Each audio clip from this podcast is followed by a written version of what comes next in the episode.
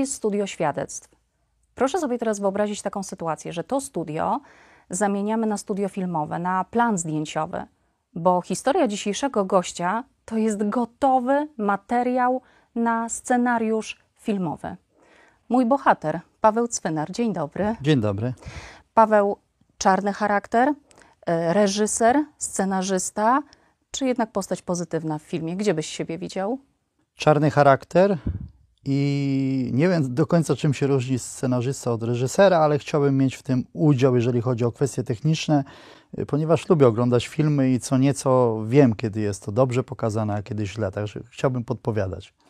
Nie obraź się, ale powiem Ci, że gdybym Cię spotkała na przykład w jakiejś e, ciemnej uliczce y, i gdybyśmy stanęli oko w oko, to myślę, że y, serce poczułabym gdzieś w gardle i w pierwszym możliwym momencie po prostu wzięłabym nogi za pas i zaczęłabym y, uciekać. Tak ludzie jeszcze jakiś czas temu na Ciebie reagowali? Byli ludzie, którzy się ciebie bali? Tak, to pretensje do sołtysa miejsca, że oświetlenie powinno jednak świecić trochę dłużej. No, czy się bali?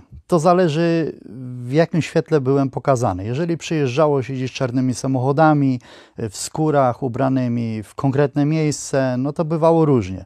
To zależy wszystko od tego raczej, jak człowiek zostanie zaprezentowany z jakiej ręki wyjdzie, gdzie wejdzie, co mam mówić, to wszystko zależy.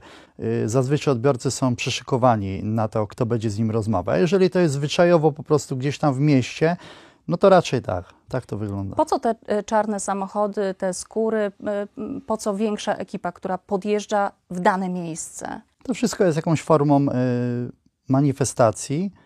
Jest to częścią takiej wizualnej prezentacji, jeżeli ktoś jedzie na jakieś miejsce rozmawiać o jakichś sprawach, jeżeli to, związane jest to z przestępczością, no to też trzeba się jakoś tam pokazać. Dlatego to w ten sposób jest prezentowane, no bo wielu z tych y, facetów czy chłopaków y, prywatnie żyje inaczej, ale jeżeli idą do pracy, no to jakoś tam się trzeba w te swoje zbroje poubierać.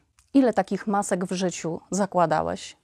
To zależy. To też nie do końca mogły być maski. To jednak musiał człowiek się i wewnętrznie zmieniać. Co innego jest nieokazywanie strachu, bo to było częścią jakby jakiejś tam gry, ale żeby nie okazywać strachu, to też trzeba być w pewnym sensie odważnym, czyli to trzeba w sobie wyszkolić, a nie wszystko się da udawać. Także to trzeba po prostu się w pewnym sensie też zmienić.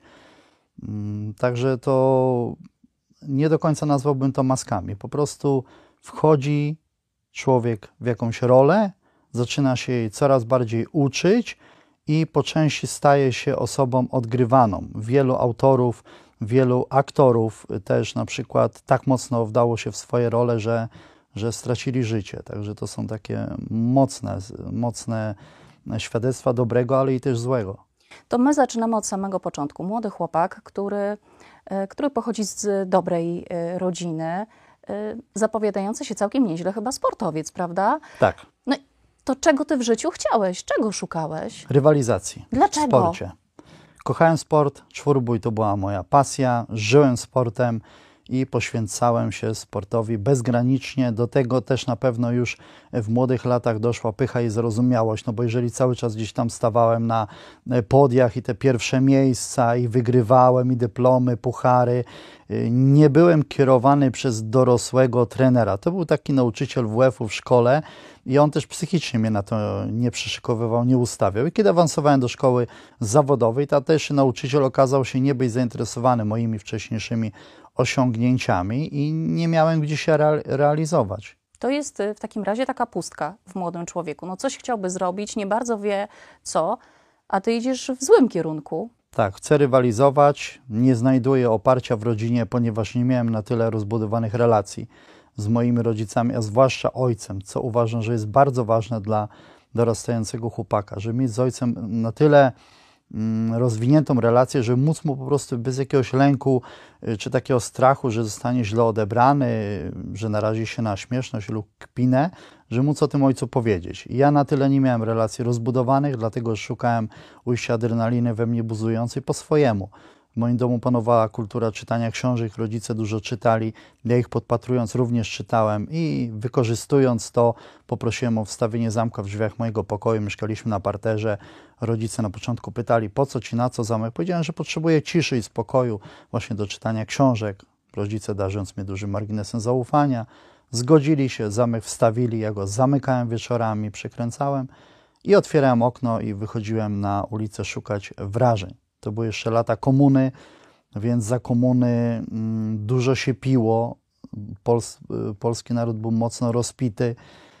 Ja wychodząc, no kogo ja mogłem spotkać tam nocami na ulicach, gdzieś jakiś zakamarka. Każdy z nas pamięta te pełne pijarnie, pi, piwa na, natłoczone, dosłownie napchane na maksa. Nie trzeba było daleko szukać, prawda? Tak, ja tam szukałem autorytetów, patrzyłem przez te szyby z rozdziawioną japą i dla mnie ci faceci przy kuflach y, opowiadający jakieś tam mniej lub bardziej wybujałe historie, no to byli jacyś tam herosi, ludzie dorośli, którzy znają życie. Wśród nich było wielu recydywistów i tą drogą zacząłem gdzieś kroczyć. Później poznałem młodszych chłopaków, tak zwanych kajdaniarzy, czyli chłopaków z poprawczaków, którzy przez to, że posiadali jakieś zasady, yy, również wykorzystując je w przestępczości, zaimponowali mi, ponieważ ja właśnie łamiąc jakieś swoje mm, bariery etyczno-moralne, ponieważ byłem wychowany w katolickiej rodzinie, odstawiłem je na bok na to, żeby właśnie dokonywać przestępstw, bo to mi dawało realizację.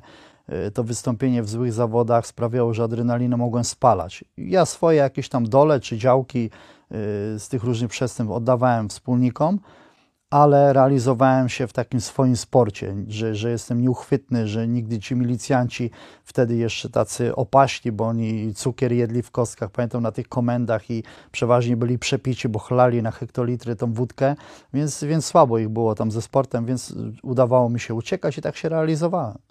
Tak się zastanawiam, bo wspominasz o tej realiz realizacji i rywalizacji. Czy to tak. nie było tak, że ty się ścigałeś trochę sam ze sobą, że tobie ta adrenalina do, do życia, do szczęścia, do funkcjonowania była po prostu potrzebna? To trzeba było skanalizować przez mądrego jakiegoś mojego wychowawcę, jakiegoś y, pedagoga czy kogoś takiego. Y, o to nikt nie zadbał. O to nikt nie zadbał.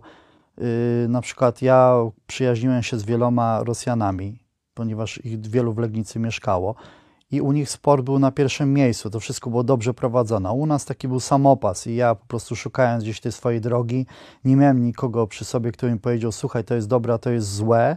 Y, chodzi mi o to wchodzenie w przestępczość i recydywiści, którzy mnie otaczali, mnie zaczęli prowadzić, bo widzieli we mnie na rybek, że może będzie ze mnie jakiś tam przestępca, bo byłem zacięty, byłem charakterny, byłem nieustępliwy, to, to tego nauczył mnie sport. I oni jedynie czego mnie nauczyli, to pewnych zasad. Y, jeżeli by je rozpatrywać w kategoriach etyczno-moralnych, no to nawet niektóre z nich były dobre, bo mówili na przykład do mnie, że nie wolno mi napadać osoby niepełnosprawne, y, kobiety w ciąży, osoby niedołężne, y, kościół, ksiądz, cmentarz, to polskie świętości, nie wolno było ręki podnosić. To jeszcze takie stare zasady, gdzie kiedyś i moralność zwykłych zjadaczy chleba też była inna, niżeli na to, co widzimy dzisiaj. Więc ja w tym duchu wzrastałem, plus, plus, że jeszcze byłem nauczony zasad takich zwyczajowych, przestępczych, czyli że nie wolno wspólników okradać, kłamać, nie wolno różnych świństw robić i tak dalej, i tak dalej. Więc te zasady też gdzieś y, pozwalały mi się wpisać w jakąś grupę i tam właśnie się realizowałem. Bo był jakiś kodeks moralny y, właśnie wśród, wśród Was. A powiedz mi, kiedy pierwszy raz Tobie podwinęła się noga? Kiedy miałem 16 lat. Młody chłopak. Tak jest. Byłem małolatem. Wcześniej już byłem zatrzymywany kilkukrotnie na milicji.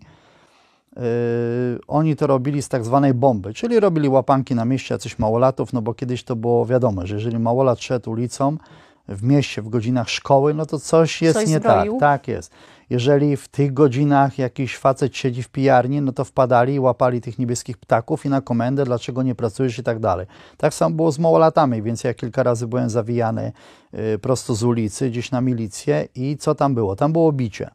Y, ci pijani milicjanci po prostu nas tłukli, tak nie z gruszki, nie z pietruszki, a żeby się dowiedzieć może czegoś, a co ty robisz, a gdzie łazisz, a z kim łazisz, ale w wtedy już następowała między nami, prze, przez to następowała między nami jakaś selekcja, czyli kto jest y, twardy, kto jest słaby, kto się poddaje, a kto nie. i ci najtwarci zostawiali, zostawali w grze, a ci słabsi odpadali. Mi udało się zostać.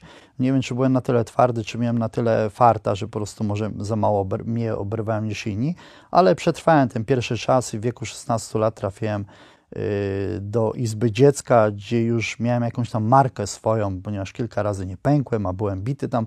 Oni tłukli nas od rana do godziny 15, bo była zmiana.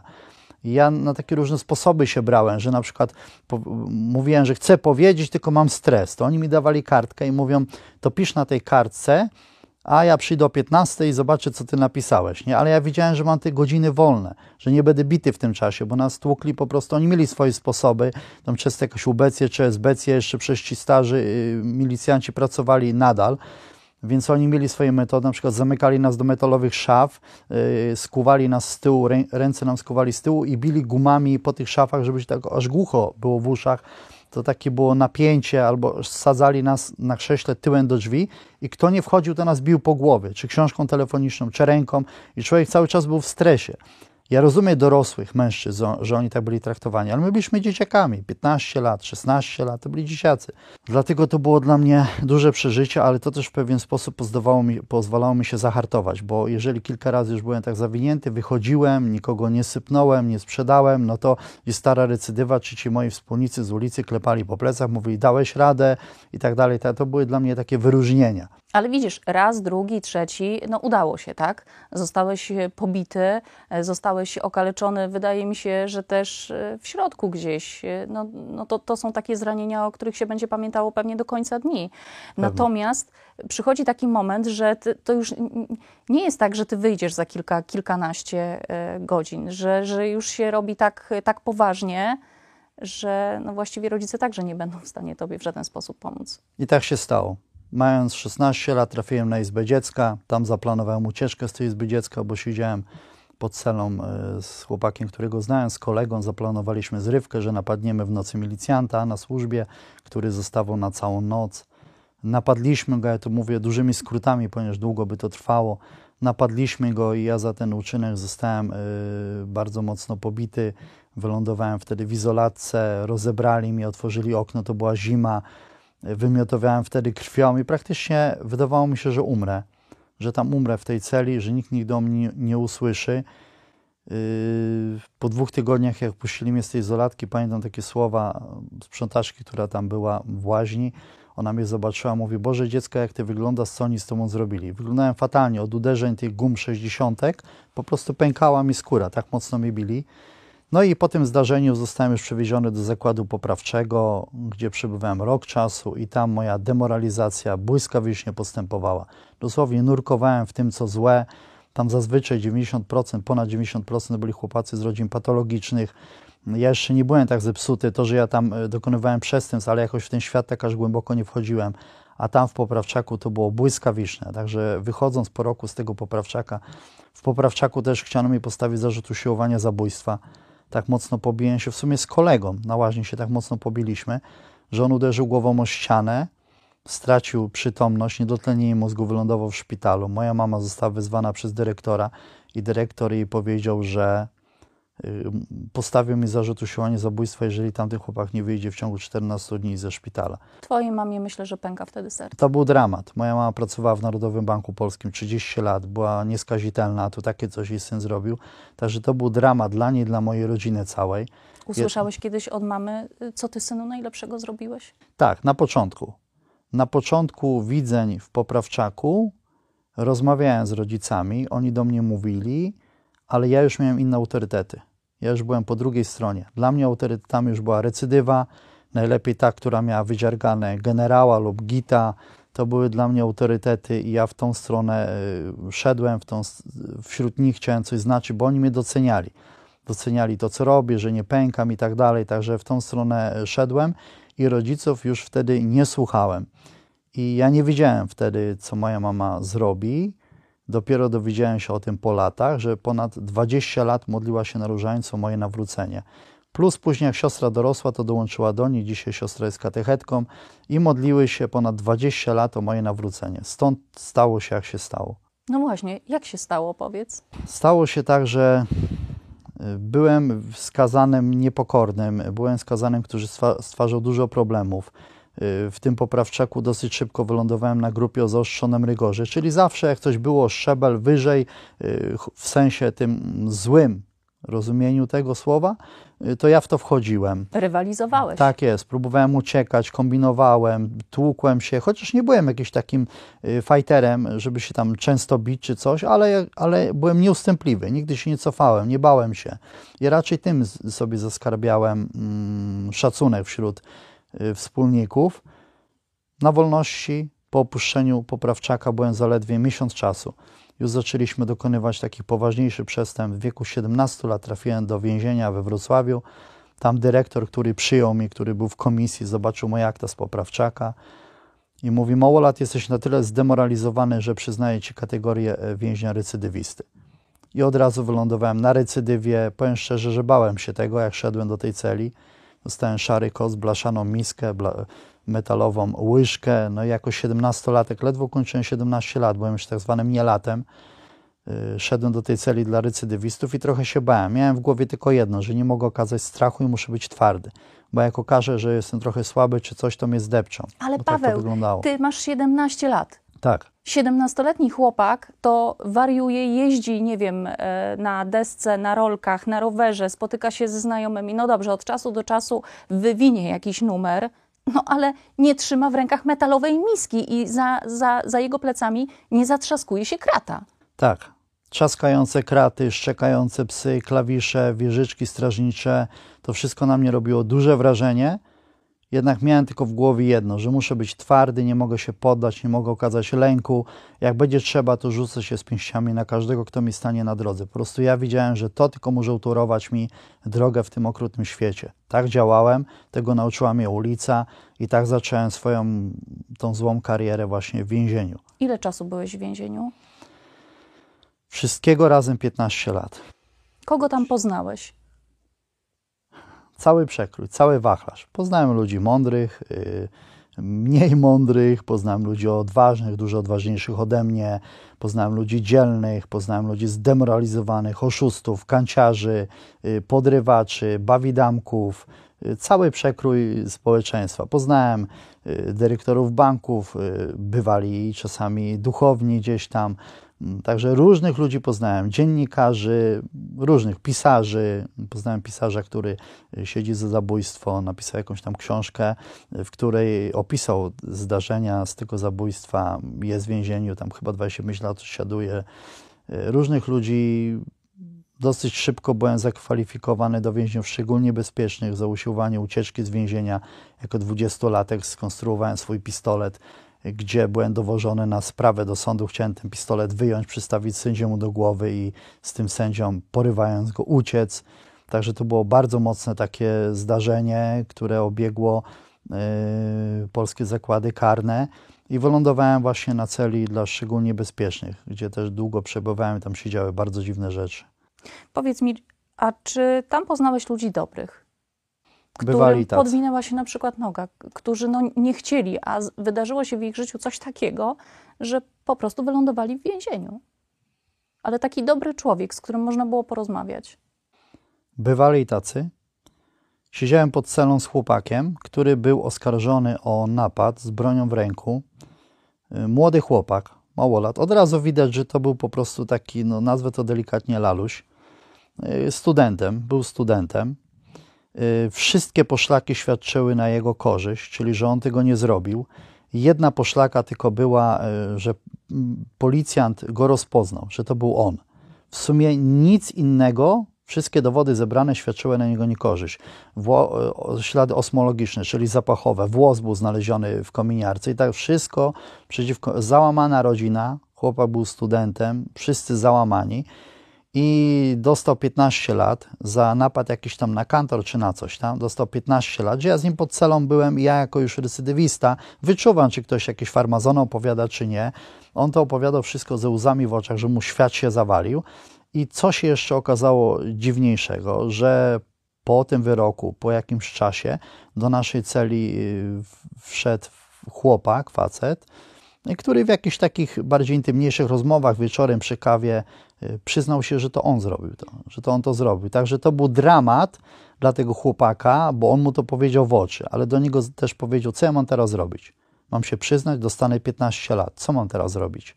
Musisz mnie zrozumieć. Dramatyczna sytuacja i kilka, nie mówię, że dużo, ale kilka takich sytuacji widziałem w więzieniu i ja otrzymałem chyba dwa wyroki też za coś, czego nie zrobiłem. Po prostu tak oskarżyli mnie i skazali za coś, czego nie zrobiłem.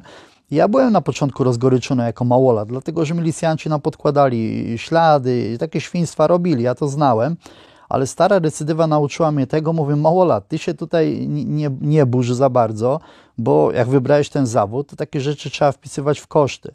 Czyli po prostu musiałem to w pewnym sensie jakoś strawić, że tak się dzieje, dlatego że dokonywałem też różnych przestępstw, za które nie byłem skazany. Ale ja starałem się w swoim fachu być jak najlepszy, tylko potrafię.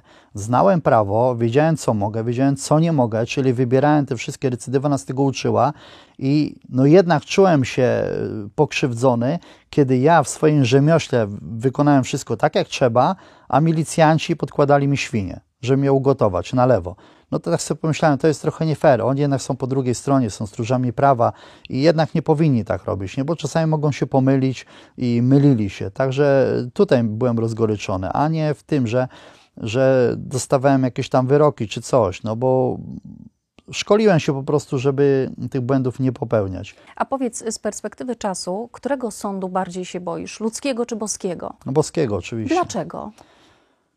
Y, dlatego, że boski sąd jest, jakby to powiedzieć, ostateczny taki, jest sprawiedliwy, y, czyli Bóg widzi wszystko to, czego ludzie nie widzą, a ludzki sąd dzisiaj jest tu, jutro jest tam, często jest mm, powodowany zwykłymi farmazonami, które są opisane w gazetach, które mają polskie nazwy, są na przykład niemieckimi jakimiś brukowcami.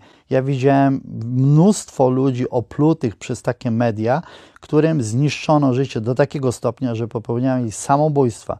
Widziałem mnóstwo takich zdarzeń. O mnie też różnie pisano. Więc to raczej, jeżeli ktoś jest trochę dorosły i ma trochę oleju w głowie, y, potrafi zobaczyć, co te media robią. Chociaż ja powiem szczerze, ja jestem trochę zaskoczony tą drugą stroną, czyli tą, co stoi w opozycji, na przykład takich osób jak ja, tylko dlatego, że jestem wierzący. Zaskoczony jestem dlatego, bo jeżeli nawet ja znajduję jakieś media, które mienią się prawicowymi, co są bliższe mojemu sercu, a widzę, że te media czasami naginają prawdę, to ja już rzucam. Po prostu, bo ja nie uważam się za kogoś, kto powinien być tak przez te media traktowany. Nie uważam się za jakiegoś idioty, żeby ktoś ze mnie robił wariata i tu naciąga w ten czy w inny sposób. Ja takie media odrzucam, więc dziwi mnie naprawdę, że ludzie, którzy są po tamtej stronie i słuchają tych mediów, oni idą po prostu w to w zaparte. I nawet jak dowiadują się, że to są jakieś naciągane bzdety, także dziennikarze jeżdżą i na przykład na Marszu Niepodległości, oni podrzucają jakiś alkohol, robią jakieś urodziny Hitlera czy coś, to oni dalej w tym zostają. Po prostu jakby to zgadzali się na to, że robione jest z nich wariata. A Bóg jest prawdziwy, Bóg jest prawdą, Bóg jest sprawiedliwy, Bóg jest miłosierny. Kiedy ty tego miłosierdzia dotknąłeś namacalnie? Mi najwięcej jest potrzebne Boże miłosierdzia, najmniej może powiedzieć sprawiedliwość, bo tyle w życiu nawywijałem, że jak ja bym sam to wszystko zobaczył teraz, co ja w życiu nabroiłem, y, bo na przykład to jest pewna hipokryzja. Ja pewnych rzeczy się nie dotykałem, stałem z daleka, a na telefon gdzieś tam były przemycane narkotyki. I co dalej? Co dalej z tymi narkotykami? Tysiące rozbitych rodzin, związków, dzieci pokrzywdzonych i tak dalej. I co z tego, że ja stałem z tyłu, białych rękawiczkach, siedziałem w luksusowym Mercedesie, jak tam są tysiące ludzkich dramatów. I tu trzeba sobie to uświadomić, stanąć w prawdzie, choć człowiek nawet nie ma ułamka pojęcia, co tam dalej się z tym działo. Więc ja naprawdę bardziej liczę na, Bożą, na Boże miłosierdzie, miłosierdzie niż na sprawiedliwość, bo tak naprawdę tej sprawiedliwości trochę się boję. Bo jak ja bym zobaczył, co ja nawyrabiałem, no to myślę, że Tutaj, jeżeli nie byłoby tej, tego Bożego miłosierdzia, to człowiek mógłby ze strachu po prostu umrzeć. Ale ty się trochę sam ze sobą rozliczasz w swoich książkach. Ty pokazujesz, jaki byłeś i co takiego może się wydarzyć, jak bardzo Bóg może zadziałać, żeby życie zmienić o 180 y, stopni. Poznając Boże miłosierdzie, Bożą miłość, która wydobyła mnie z otchłani, Pan Bóg przyszedł do mnie w celi izolacyjnej gdzie siedziałem w izolatce rok czasu, gryzłem się ze swoim życiem. Przyszedł poprzez różne wydarzenia, o których długo by opowiadać, ale przyszedł do mnie, wydobył mnie z tej otchłani. I pierwsze co to ja poznałem radość. Radość tego, że ja zrozumiałem, że jest coś takiego jak życie wieczne, że to jest najwyższa stawka. Chciałem w to wejść, wszedłem w to, wszedłem do gry o najwyższą stawkę, o życie wieczne. I teraz, jak ja oczyściłem trochę swój umysł dzięki, dzięki światu Ducha Świętego, siedząc na adoracjach, rozmyślając o tym wszystkim, to ja zrozumiałem, ile ja mogłem wyrządzić zła. Więc tutaj e, trzeba uderzyć się w pierś i trzeba jakąś podjąć formę odkupienia tych win. No bo co, będę siedział w fotelu, oglądał telewizję i tylko to, że do kościółka i z powrotem i aleluję i tak dalej. Nie, tu trzeba podkładać rękawy i się zabrać za konkretną robotę. E, ja mieszkałem e, w Londynie 4 lata. Mieszkałem dlatego, bo chciałem wydać książkę, więc pojechałem tam do pracy na budowę ale później mieszkałem w Sztokholmie, gdzie już miałem poukładane życie, miałem spokój. Ja tam wszystko zostawiłem na to, żeby wrócić tu do Polski i dzwonię jakiś proboszcz z jakiejś y, kobiałki wielkiej, małej czy średniej, Jadę tam dwa, trzy dni czasami pociągiem, zmęczony, zmarznięty. Trzy dni no, w trasie to jest jakieś tam umęczenie. Przyjeżdżam, przyjdzie 10 osób, y, zimno jak w psiej budzie, przyjdzie 10 osób. Ja tam mówię to świadectwo, słuchają, ziewają. Y, raz jest fajnie, raz jest mniej fajnie, ale robię to właśnie po to, żeby odkupić swoje winy. Moją misją w szczególności są więzienia, zakłady y, poprawcze, wychowawcze i domy dziecka, bo tam są ludzie tacy jak ja. Ja ich znam, znam ich język, oni znają mój język, ja jestem do tego powołany, czuję na sobie spojrzenie świętego Pawła i on mówi, słuchaj, wiesz co masz robić. I w szczególności chodzę do więzień, bo kościoły, do kościołu przychodzą ludzie określeni, zazwyczaj, a w więzieniach nie. I tam idę w swój taki bój. I mało kto wie o tym, że mi się po prostu nie chce tego robić. Po prostu mi się nie chce, czasami mam dosyć, bo przychodzą osoby, które od razu są nastawione do wojny. Przychodzą różni sekciarze, przychodzą różni, którzy zadają jakieś pedofilię w kościele. A jak ja się pytam, jakiekolwiek statystyki, on nie ma zielonego pojęcia. Jakie statystyki? Ja mówię, słuchaj, to ja znając statystyki, to jestem bliżej tym osobom, żeby pomóc, niżeli ty, który tylko krzyczysz, bo zazwyczaj ludzie krzyczą. E, prosty przykład. Teraz jest duża afera o to, że tam papież Franciszek coś tam z tą mszą trydencką namieszał, żeby to ukrócić. I podniosło się larum. Alarm podnoszą osoby, które mało nam trydencką chodzą. Bo ksiądz to powiedział nam trydenckim, bo ja was nie widzę tutaj. Tych dziennikarzy, tych ludzi ja nie widzę tutaj na tym trydenckiej. Chodzi mi tu o Warszawę. No i to tak często właśnie jest. Przychodzą, żeby tylko zaatakować. A ty jesteś taki konkretny w tym, w tym, co robisz. Od samego początku jesteś konkretny i konsekwentny w swoim działaniu. Czy to była grupa przestępcza, czy to był ten łącznie 15-letni pobyt w więzieniu i to wszystko, co się tam działo. I konsekwentnie także stajesz się e, takim świadkiem e, i ewangelizujesz e, ludzi no, tam, gdzie to światło i ta nadzieja ma najtrudniej, żeby, żeby dotrzeć. Pawle, ja Ci bardzo, bardzo dziękuję za to spotkanie i mam do Ciebie taką gorącą prośbę, ponieważ ja mam niedosyt jeszcze, jeżeli zgodzisz się, żebyśmy spotkali się jeszcze za jakiś czas i powiedzieli o tej nadziei, o, o tym Bożym miłosierdziu, to będę Ci bardzo wdzięczna.